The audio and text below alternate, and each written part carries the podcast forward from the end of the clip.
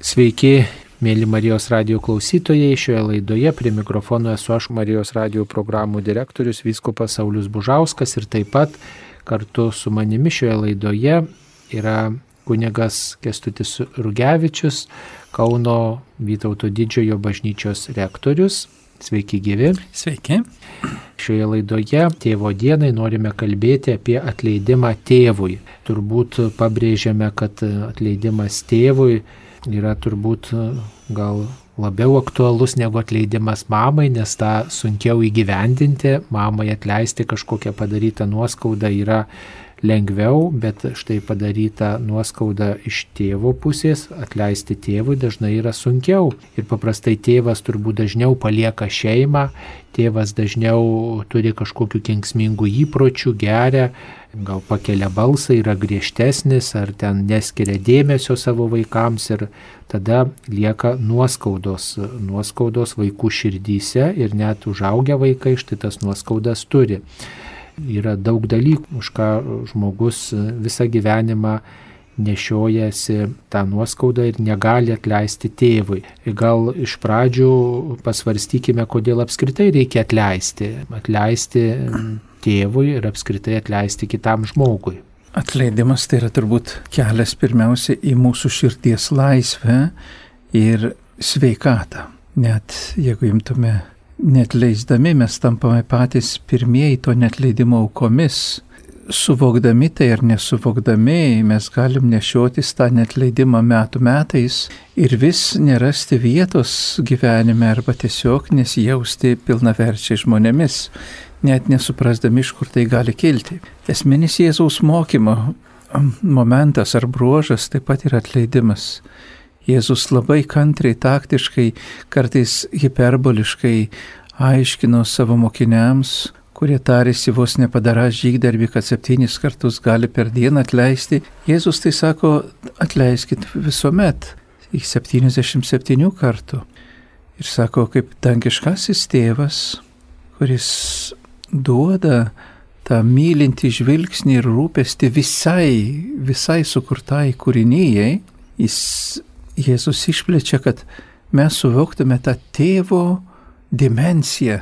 Tėvas kaip ir mama yra tie, kurie neša gyvybę, duoda gyvybę ir mus ruošia gyvenimui. Jeigu to nėra pilnavertiškai, tai mes, žmogus jaučiasi kažko labai stokojantis, net gali jis to samoningai nesuvokti. Tėvo žaizda, kaip vat užsiminiai, gali būti labai vairi, nes tiek kiek šeimų, kiek aplinkų, tiek ir tėvų, tokių tėvų. Vienas tėvas gali būti labai geras, kitas gali tėvas būti su kokiais blogais įpročiais, kito tėvo iš vis vaikas gal nėra matęs, ar, ne, ar nuo pat vaikystės nesutikęs, tai ar tėtis anksti miršta, ar jis palieka šeimą. Yra taip pat tėvas, kuris yra silpnas tėvas, kuris lik ir realiai esantis, bet emocionaliai, psichologiškai tiesiog nesantis, nemokantis išreikšti ir nemokantis pažadinti to, to santykio, užmėgsti santykio. Arba kuriam nerūpi, lygiai kaip ir tėtis, kuris gali turėti įvairių priklausomybių ir, ir būti net grėsmė ar siaubas vaikams ir šeimai.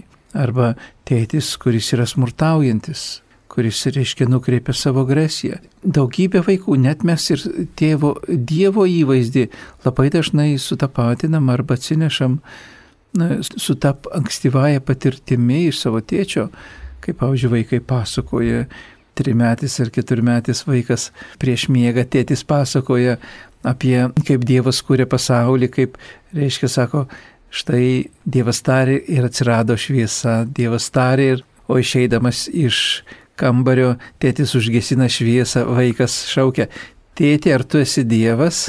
Nes gali padaryti, kad būtų šviesa arba tamsa. Lygiai kaip ir kitas vaikas, kita mergaitė trijų metų bažnyčioj, reiškia, kai pasakė, žinai, Dievas yra tavo tėtis, tai jinai klikdama išbėgo, nes jos įvaizdis apie tėtį yra keliantis siaubą.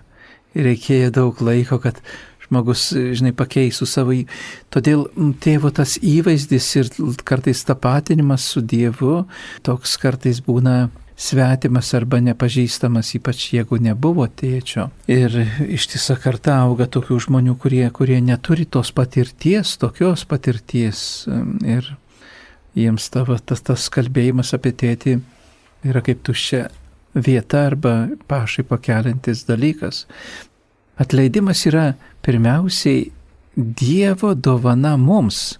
Neįsivaizduokim, kad atleisdami mes darom paslaugą tam žmogui, tėčiui, ar, ar kam kitam, ar kaip nors bandom save nuraminti, psichologiškai palengvinti save.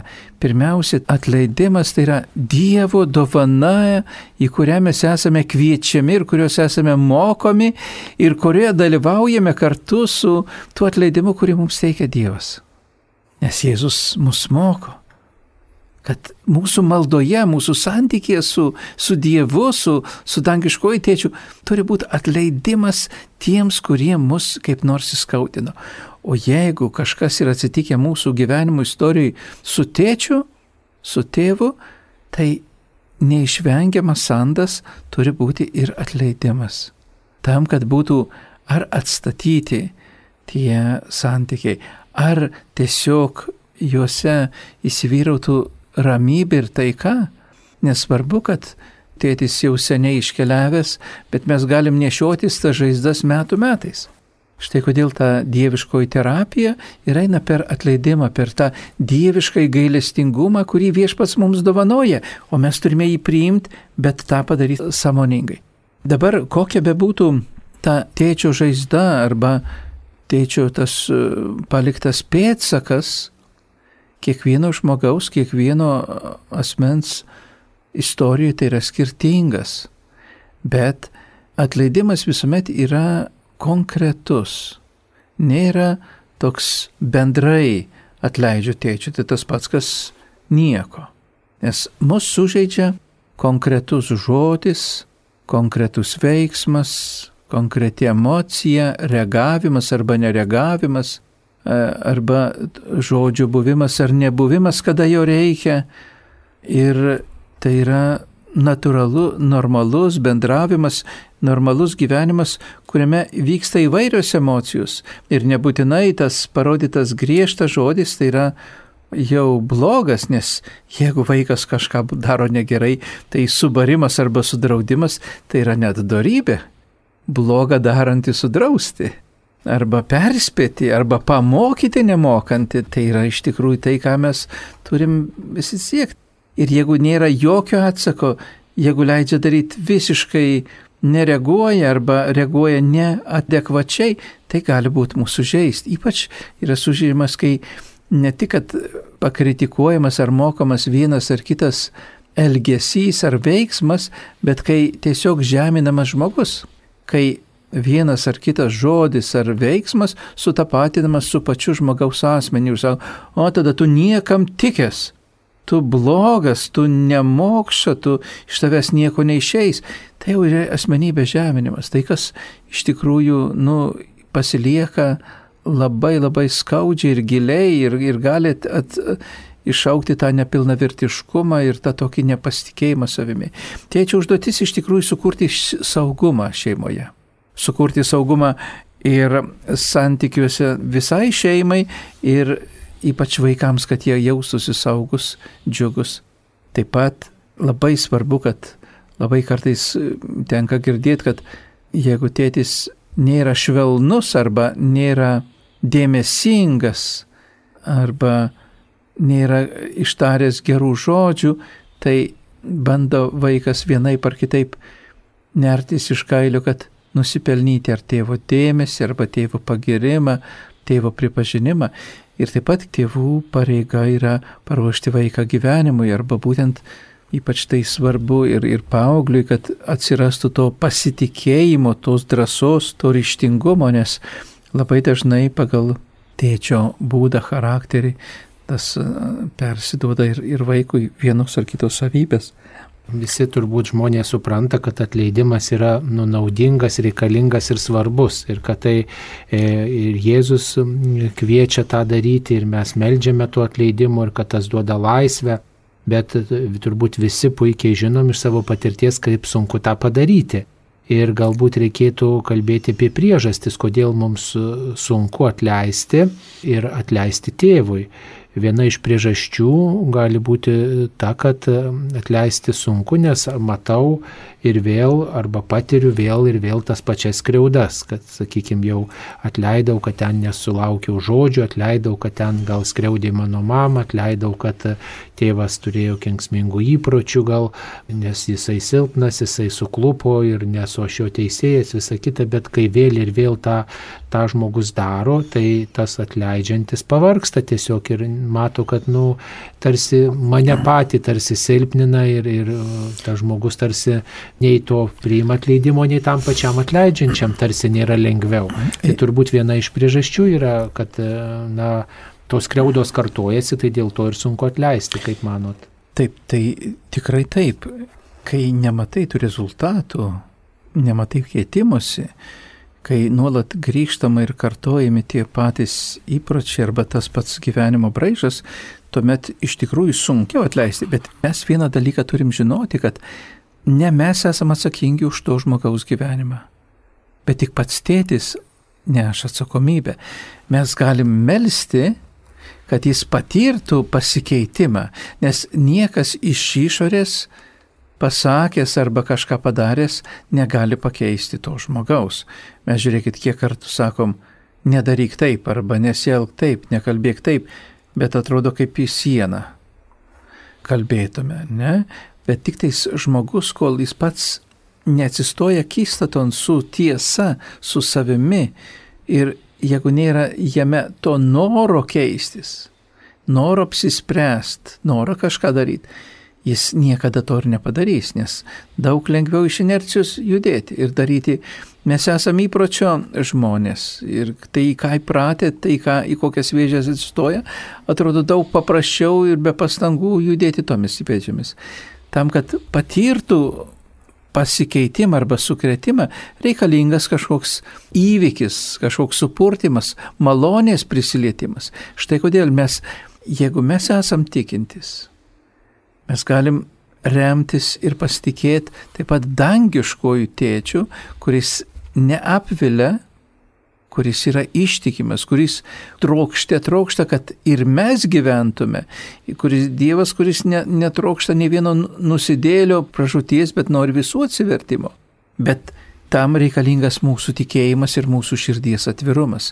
Kad mes atvertume savo širdį.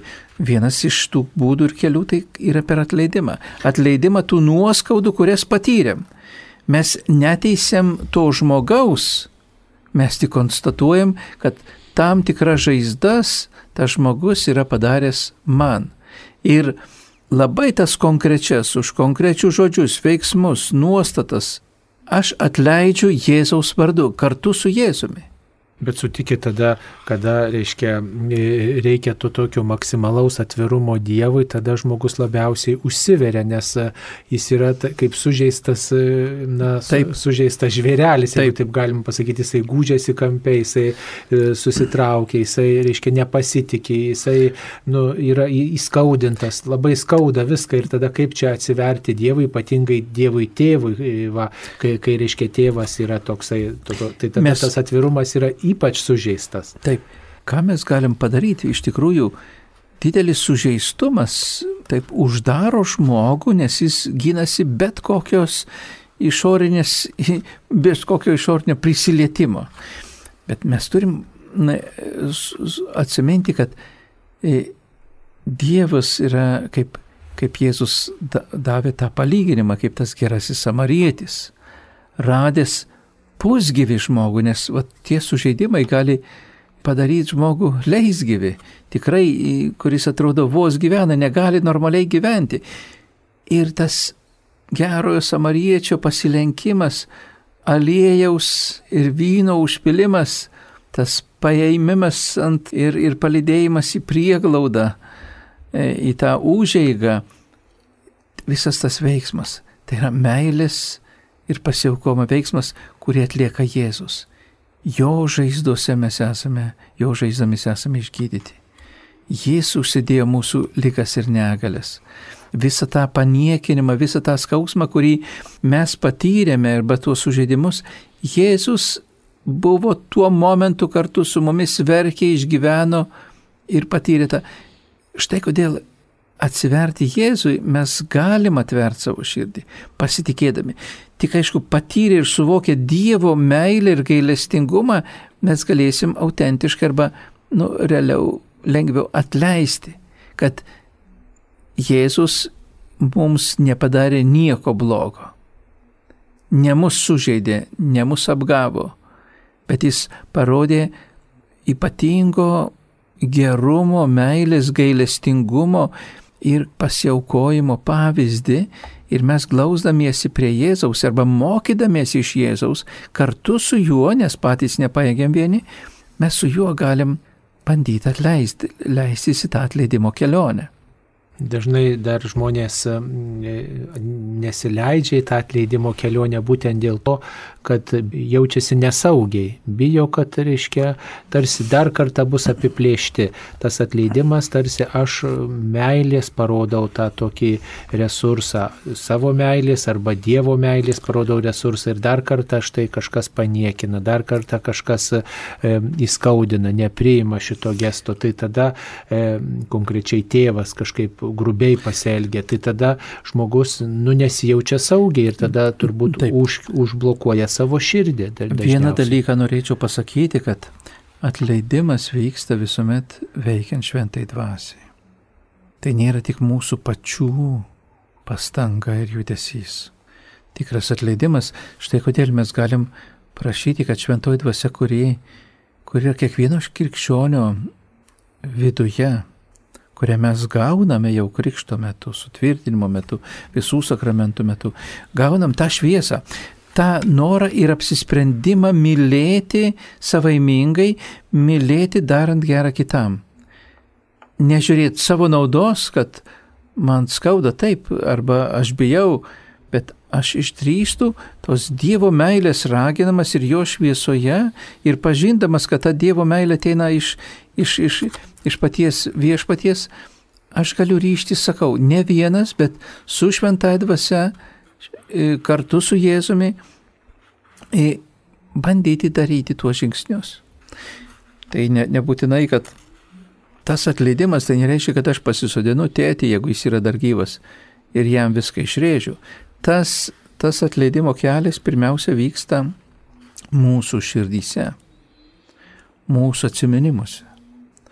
Mes galim, prašant šventosios dvasios, atsiminti tuos skaudžius įvykius, tuos sužeidimus, juos užsirašyti ir paprašyti, kad, reiškia, pamatyti, ką vienas ar kitas žodis ar veiksmas padarė mumise ir kokios to pasiekmes.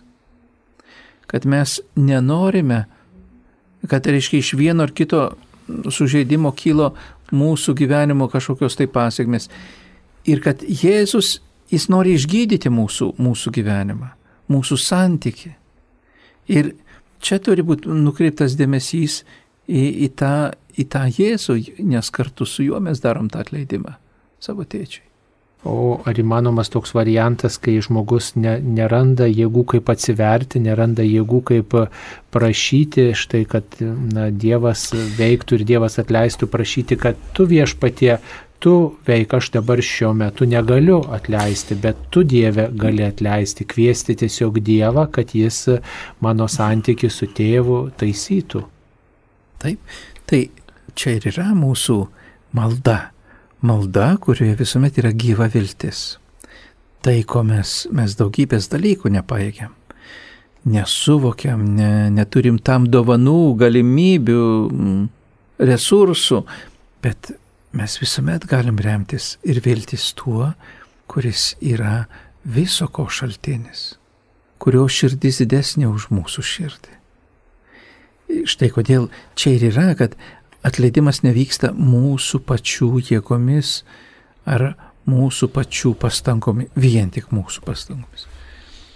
Čia ir yra krikščioniško arba mūsų krikščioniško atleidimo slėpinys, kad kiekvienas atleidimas, kaip ir kiekvienas geras darbas vyksta kartu šventosios dvasios pagalba ir, ir, ir veikiant šventai dvasiai, veikiant Dievo maloniai, veikiant tai, kas viršė mūsų pačių jėgas.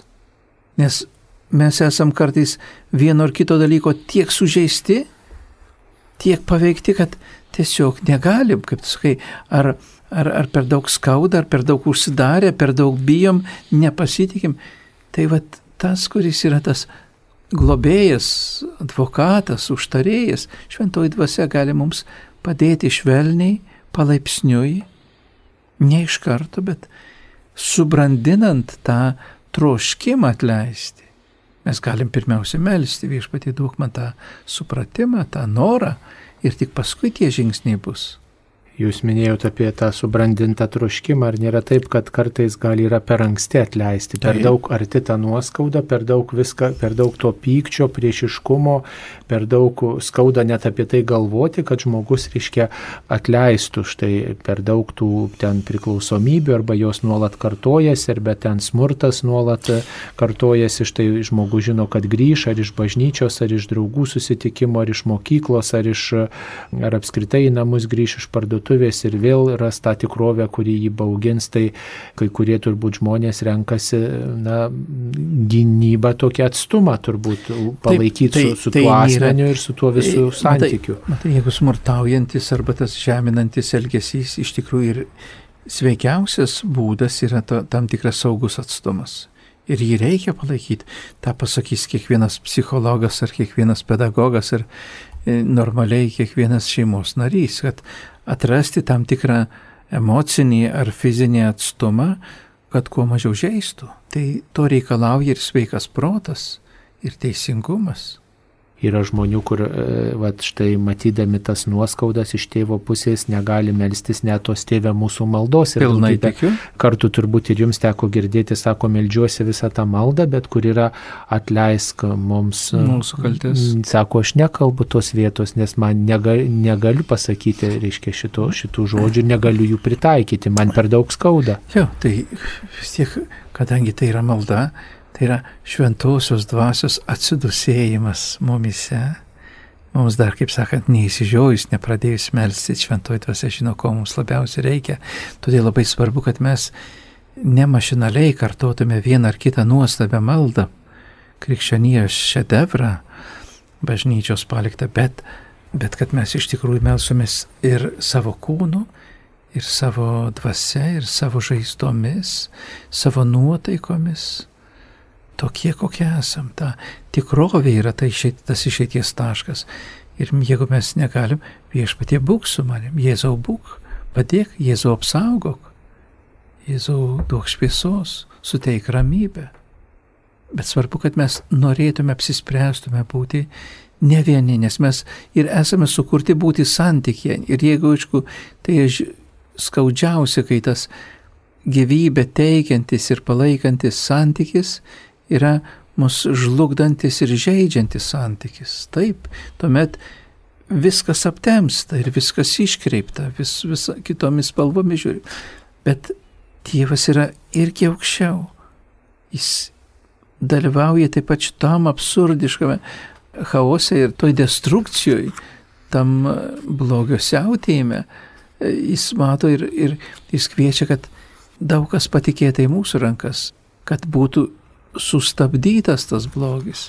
Galbūt kartais reikia pasakyti kitiems, kaip mes jaučiamės. Labai svarbu įvardinti, kaip aš jaučiuosi ir nebijoti tą pasakyti taip pat viešpačiui. Viešpatie, man dabar baisu. Aš esu visiškai su, demoralizuotas, aš, aš visiškai esu prislėgtas, aš nebijau tą pasakyti ir prašyti tos malonės, kuri tikrai ateis vienokiu ar kitokiu pavydalu, per žmogų, per situaciją, per viduje išgirsiu kažkokią paguodą ir su, suraminimas ateis, kažkokia malonė ateis tikrai. Jeigu mes kreipsime, stosime viešpatį, nes būtent Dievas yra tas, kuris esu, kuris esu, jis mato realią mūsų situaciją, kaip jis pamatė savo tautos vargą priespaudą Egipte. Ir išgirdo, ir ištiesi ranką, ir jis visuomet žengia tą pirmą žingsnį. Ir mes turim juo pasitikėti. Jėzaus visas gyvenimas įrodo, kad mes pasitikėtume ir atpažintume, koks iš tikrųjų yra tas tėvas. Kai įsižiūrim, įsiklausom, įsijaučiam į Jėzaus asmetį, mes matom, koks tas dangiškasis tėvas, kuriuo be galo džiaugiasi, didžiuojasi ir nori mums parodyti Jėzus. Atskleisti jo veidą. Štai kodėl žemiškasis Jėzaus veidas gali būti ir mums padrasinantis, paguodžiantis, nes Dievas nieko neprimeta ir ne per prievartą. Jis nenaudoja jokios prievartos. Jis nereikalauja paklusti aklai. Jis kviečia būti, reiškia, tą santykį užmėgsti pagarbos, laisvės, meilės, prisirišimo, tą santykį, koks jis turėjo kilti iš, iš mūsų santykių su tėčiu. Ir jeigu jo nėra, tai iš tikrųjų kad gydytų tą santyki, tą, tą mūsų istoriją. Neretai mes e, tuos santykius, kokius tėvai tarpusavį turi, e, kokius turi su mumis, e, mes juos perkeliam nori ar nenori į savo šeimas, į savo gyvenimus, į savo ateitį. Kaip nekartoti štai tų klaidų, kurias, aiškiai, tėvas padaro ypač berniukui, kaip neperimti tų tokių negatyvių elgesio modelių iš savo tėvo, juk žinom, kad pavyzdžiui, jeigu tėvas šeimoje smurtauja, tai labai didelė tikimybė, kad ir vaikas turės e, tokį polinkį, ypatingai jeigu jis apie tai ne, ne, ne, nesvarstė, neatsiribojo nuo, nuo tokio tėvo elgesio, arba kad jeigu, pavyzdžiui, tėvas sakykime, šeimoje turėjo priklausomybių, tai ir vaikai gali, reiškia, na, turėti tas pačias priklausomybės, jeigu štai nepagarbiai elgėsi su moterimis tėvas, tai ir, ir berniukai to šeimos taip pat gali tą tokį nepagarbą, tą tokį smurtą pernešti, psichologinį smurtą į savo šeimas, tuo pačiu elgesio modeliu gyventi, kaip nekartoti tų klaidų berniukams, matant netinkamą tėvą tėvo elgesį savo šeimoje? Pirmiausia, tai turbūt tie gerieji pavyzdžiai, kurie turėtų už, uždegti ir kuriais turėtų susižavėti, jeigu taip galim pasakyti. Bet jų labai mažai. Jų mažai. Mokykloje, pavyzdžiui, gal moteriška mokyk... visuomenė ten taip, dar kitur. Bet, bet, pavyzdžiui, augant, mes turim išmokti investuoti daugiau į save, kad reiškia iš tikrųjų save lavinti ir, pavyzdžiui, mokantis, ne, ir, dabar yra tų galimybių daugiau, reiškia lygiai taip pat pasirinkti ir vieną ir kitą pusę nuo mūsų apsisprendimo, ar mes norime, ar mes norime gyventi, pavyzdžiui, jeigu, jeigu yra berniukas, kuris yra tikintis, kokį jis nori imti pavyzdį, jis gali paimti pavyzdį iš tikrųjų ne tik to sužeisto santykio, bet siekti to, kas, ko jis neturėjo, reiškia, galbūt to santykio, bet įsižiūrėti į, į, į vieną ar kitą globėją, ar šventąjį, ar patį Jėzų.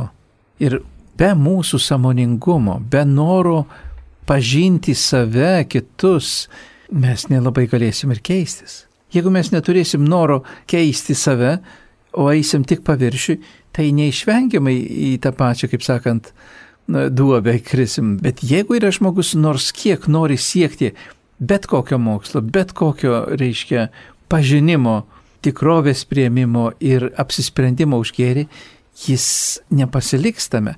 Jam gal bus sunku arba reikės didesnių pastangų, bet jis tikrai norės, jeigu norės, žmogus galės rinktis ir eiti tuo keliu, kurį, kurį renkasi kaip savo kelią. Jis gali būti tikrai nuostabiai susivaldžiusių ir, ir, ir, ir, ir džiaugsmingų ir, ir gražių pavyzdžių savo vaikams, pažįstu ne vieną tokį atvejį, kai kad ir šeimos buvo ne, ne patirtis nekokia, bet tas apsisprendimas ir noras ir tas pamatymas gražesnio, prasmingesnio gyvenimo mobilizuoja žmogų. Kitaip sakant, akiratį praplečia, taip. kad gali būti ir kitaip. Taip, Tokie... bet o pasirinkimas vis tiek priklauso nuo mūsų o kiek štai moterys gali turėti įtakos reikšmės štai tokio tinkamo berniuko ugdymo tėvystėje. Vis pasigirsta tokių minčių, kad mūsų vyrai per daug moteriški, kad jie nu, nepasiruošę tokiam atsakomybės prisėmimui, tokiai drąsai, iniciatyvumui, tokiam Taip, šitie, pasiaukojimui. Šitie bruožai yra būdingi ir kyla labai dažnai iš tų gyvų gražių pavyzdžių, kuriuos vaikai arba berniukai mato savo tėvuose. Jie tiesiog perima, jie susižavi ir perima Nes tėtis gali būti tas, tas teigiamas herojus ir džiaugsmas tiek mergaitėms, tiek berniukams. Ir jie, jeigu geras pavyzdys, jie, jie perima, jie, jie didžiuojasi, jie, jie patenkinti tuo. Bet jeigu tėtis arba emociškai, psichologiškai silpnas arba jo tiesiog nėra, tai mama kartais nori užimti ir tėčių ir mamos rolę ir, ir jinai bando daugybę dalykų primest arba padaryti ir už vaiką, arba net padėti pagalvėlę vaikui, tai žmogus tada, vaikas ne, nepasiruošia gyvenimui. Nes, kaip sako paauglys, per tuos keturis metus turi pažinti visą pasaulį ir atrasti vietą. Tai turi iš, iš, išmėginti daug dalykų. Ir jeigu nebus jam leidžiama skleistis, rinktis ir mm, teisingai orientuoti savo gyvenimą, jis gali likti, vat, nepilnai, kaip sakant, drasus, angažuotas. Galiausiai daugybė dalykų su mes negalim taip vienapusiškai pasakyti, kad jeigu taip, tik taip, jeigu anaip, anaip. Iš tikrųjų, žmogus nuolat keičiasi. Nuolat keičiasi nuo tos įgytos patirties, nuo išmokto žinių bagažo, nuo sutiktų žmonių, nuo bendravimo, galiausiai nuo pati vidinio noro Galiausiai viešpaties malonė gali jį taip vienaip ar kitaip paveikti arba su, su, sužavėti, suvedžioti, bet visuomet žmogus prisimdamas atsakomybę jis yra vis tiek laisvas. Mes kiekvieną dieną renkamės nuo mažiausių dalykų iki svarbių dalykų ir to dalyko išmokstame. Atleidimas e, mums patiems e, reikalingas, bet kartu mes atleisdami kitam žmogui tikimės, kad duodam dovaną kitam žmogui ir visada tikimės, kad štai atleisdami pakeisim situaciją, ne tik savy, bet ir kito žmogaus gyvenime.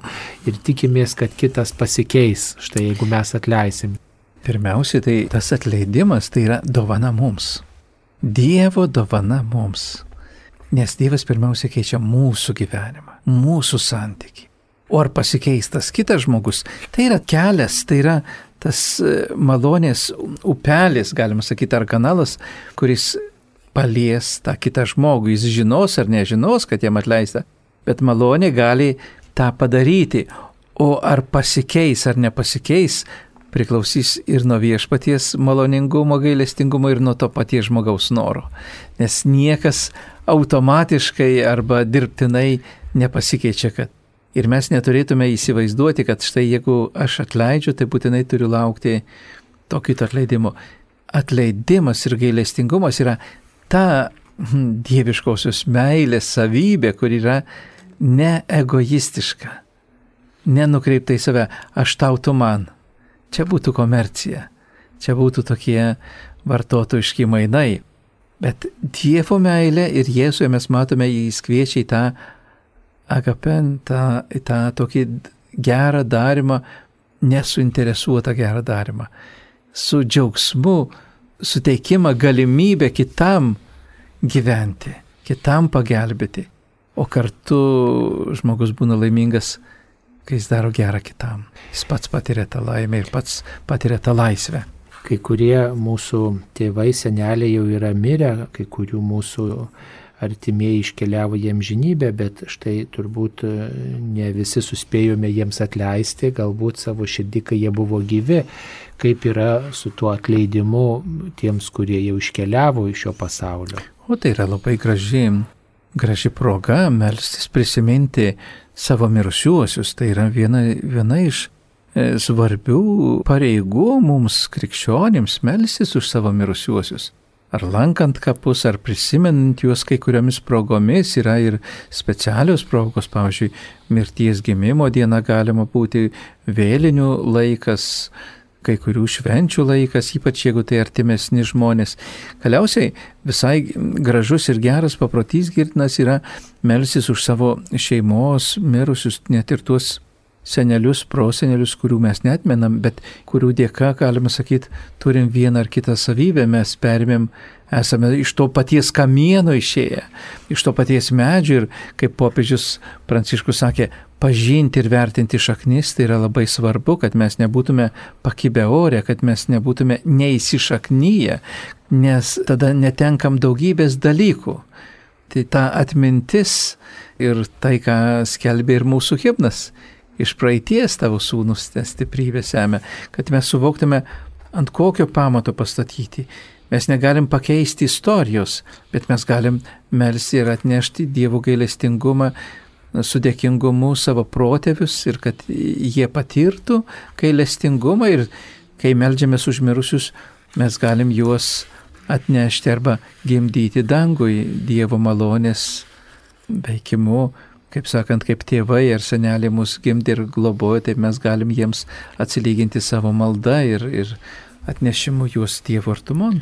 Bet mirusiems galbūt atleisti daug lengviau, nes jau žinau, kad nebesikartos tos kreudos, kurias patyriau, kai tas žmogus buvo gyvas. Tam atleidimu reikalingas, galima sakyti, mūsų branda. Suvokimas, kad kitas, jeigu ir darė kažką blogą mums ar kitiems, jis tai dažniausiai darė iš savo sužeistumo, ar iš nepažinojimo, ar iš silpnumo, ar dar kažkas. Atleidimas visuomet prasideda nuo supokimo, kad kitas nebūtinai turėjo blogų ketinimų tik į mus, bet jis buvo taip pat savo ruoštų sužeistas arba kažko įstokojo, meilės stoka. Pirmiausiai meilės ir, ir tokio saugumo stoka, kur iššaukė daugybę tų negatyvių ir nebrandžių ir žaidžiančių reakcijų žmoguje, kai jis nepatiria pats saugumo, meilės, pripažinimo, o ypač tie laikai, kuriuose to nebuvo, apie tai nebuvo kalbama, arba nemokama išreikšti, arba tiesiog nebuvo tų galimybių, nes iš tikrųjų mūsų tautos laikas, tai tas ir santarumas, ar tas emocinis ne, neišlavėjimas e, taip pat galėjo būti sąlygotas visų, visų šito aplinkybių. O kada žinoti, kad štai jau tas atleidimas tikrai įvyko, ar įmanomas tas toks pilnas atleidimas mums žmonėms? E, mes galim pasitikėti tik Dievu, kad reiškia, manau, kad tas, kai mes patys pradedam pilniau gyventi ir džiugiau gyventi, džiaugtis e, tuo, kas, kas būdami Dievo vaikais ir būdami savimi, dėkodami už gyvenimą, už savo protą, už savo už savo kūną, už savo aplinką. Dėkojimas mus labiausiai atvira tai Dievo maloniai ir kartu mus įtvirtina tame atleidimo galbūt kelyje ir tokioje gyvenime laisvėje ir atsakomybėje. Tai ačiū Jums, e, ačiū Jums, mielas kunigė Kestuti, kad pasidalinot mintimis apie atleidimą tėvui. Linkime, mėly klausytojai, kad mes tikrai trokštume šito atleidimo ir jeigu patys tokojame jėgų, būtinai kviestume viešpatį, kuris yra gailestingumo šaltinis ir kuris tikrai padėtų mums santykių su tėvu taisyti, kad mes visi nekartotume savo tėvų klaidų ir patys būtume gailestingumo nešėjai. Šioje laidoje kuniga Kestutį Rugevičiu apie atleidimą tėvui kalbinau aš, Marijos radio programų direktorius Vyskupas Saulis Bužauskas. Ačiū visiems. Sudė. Sudė.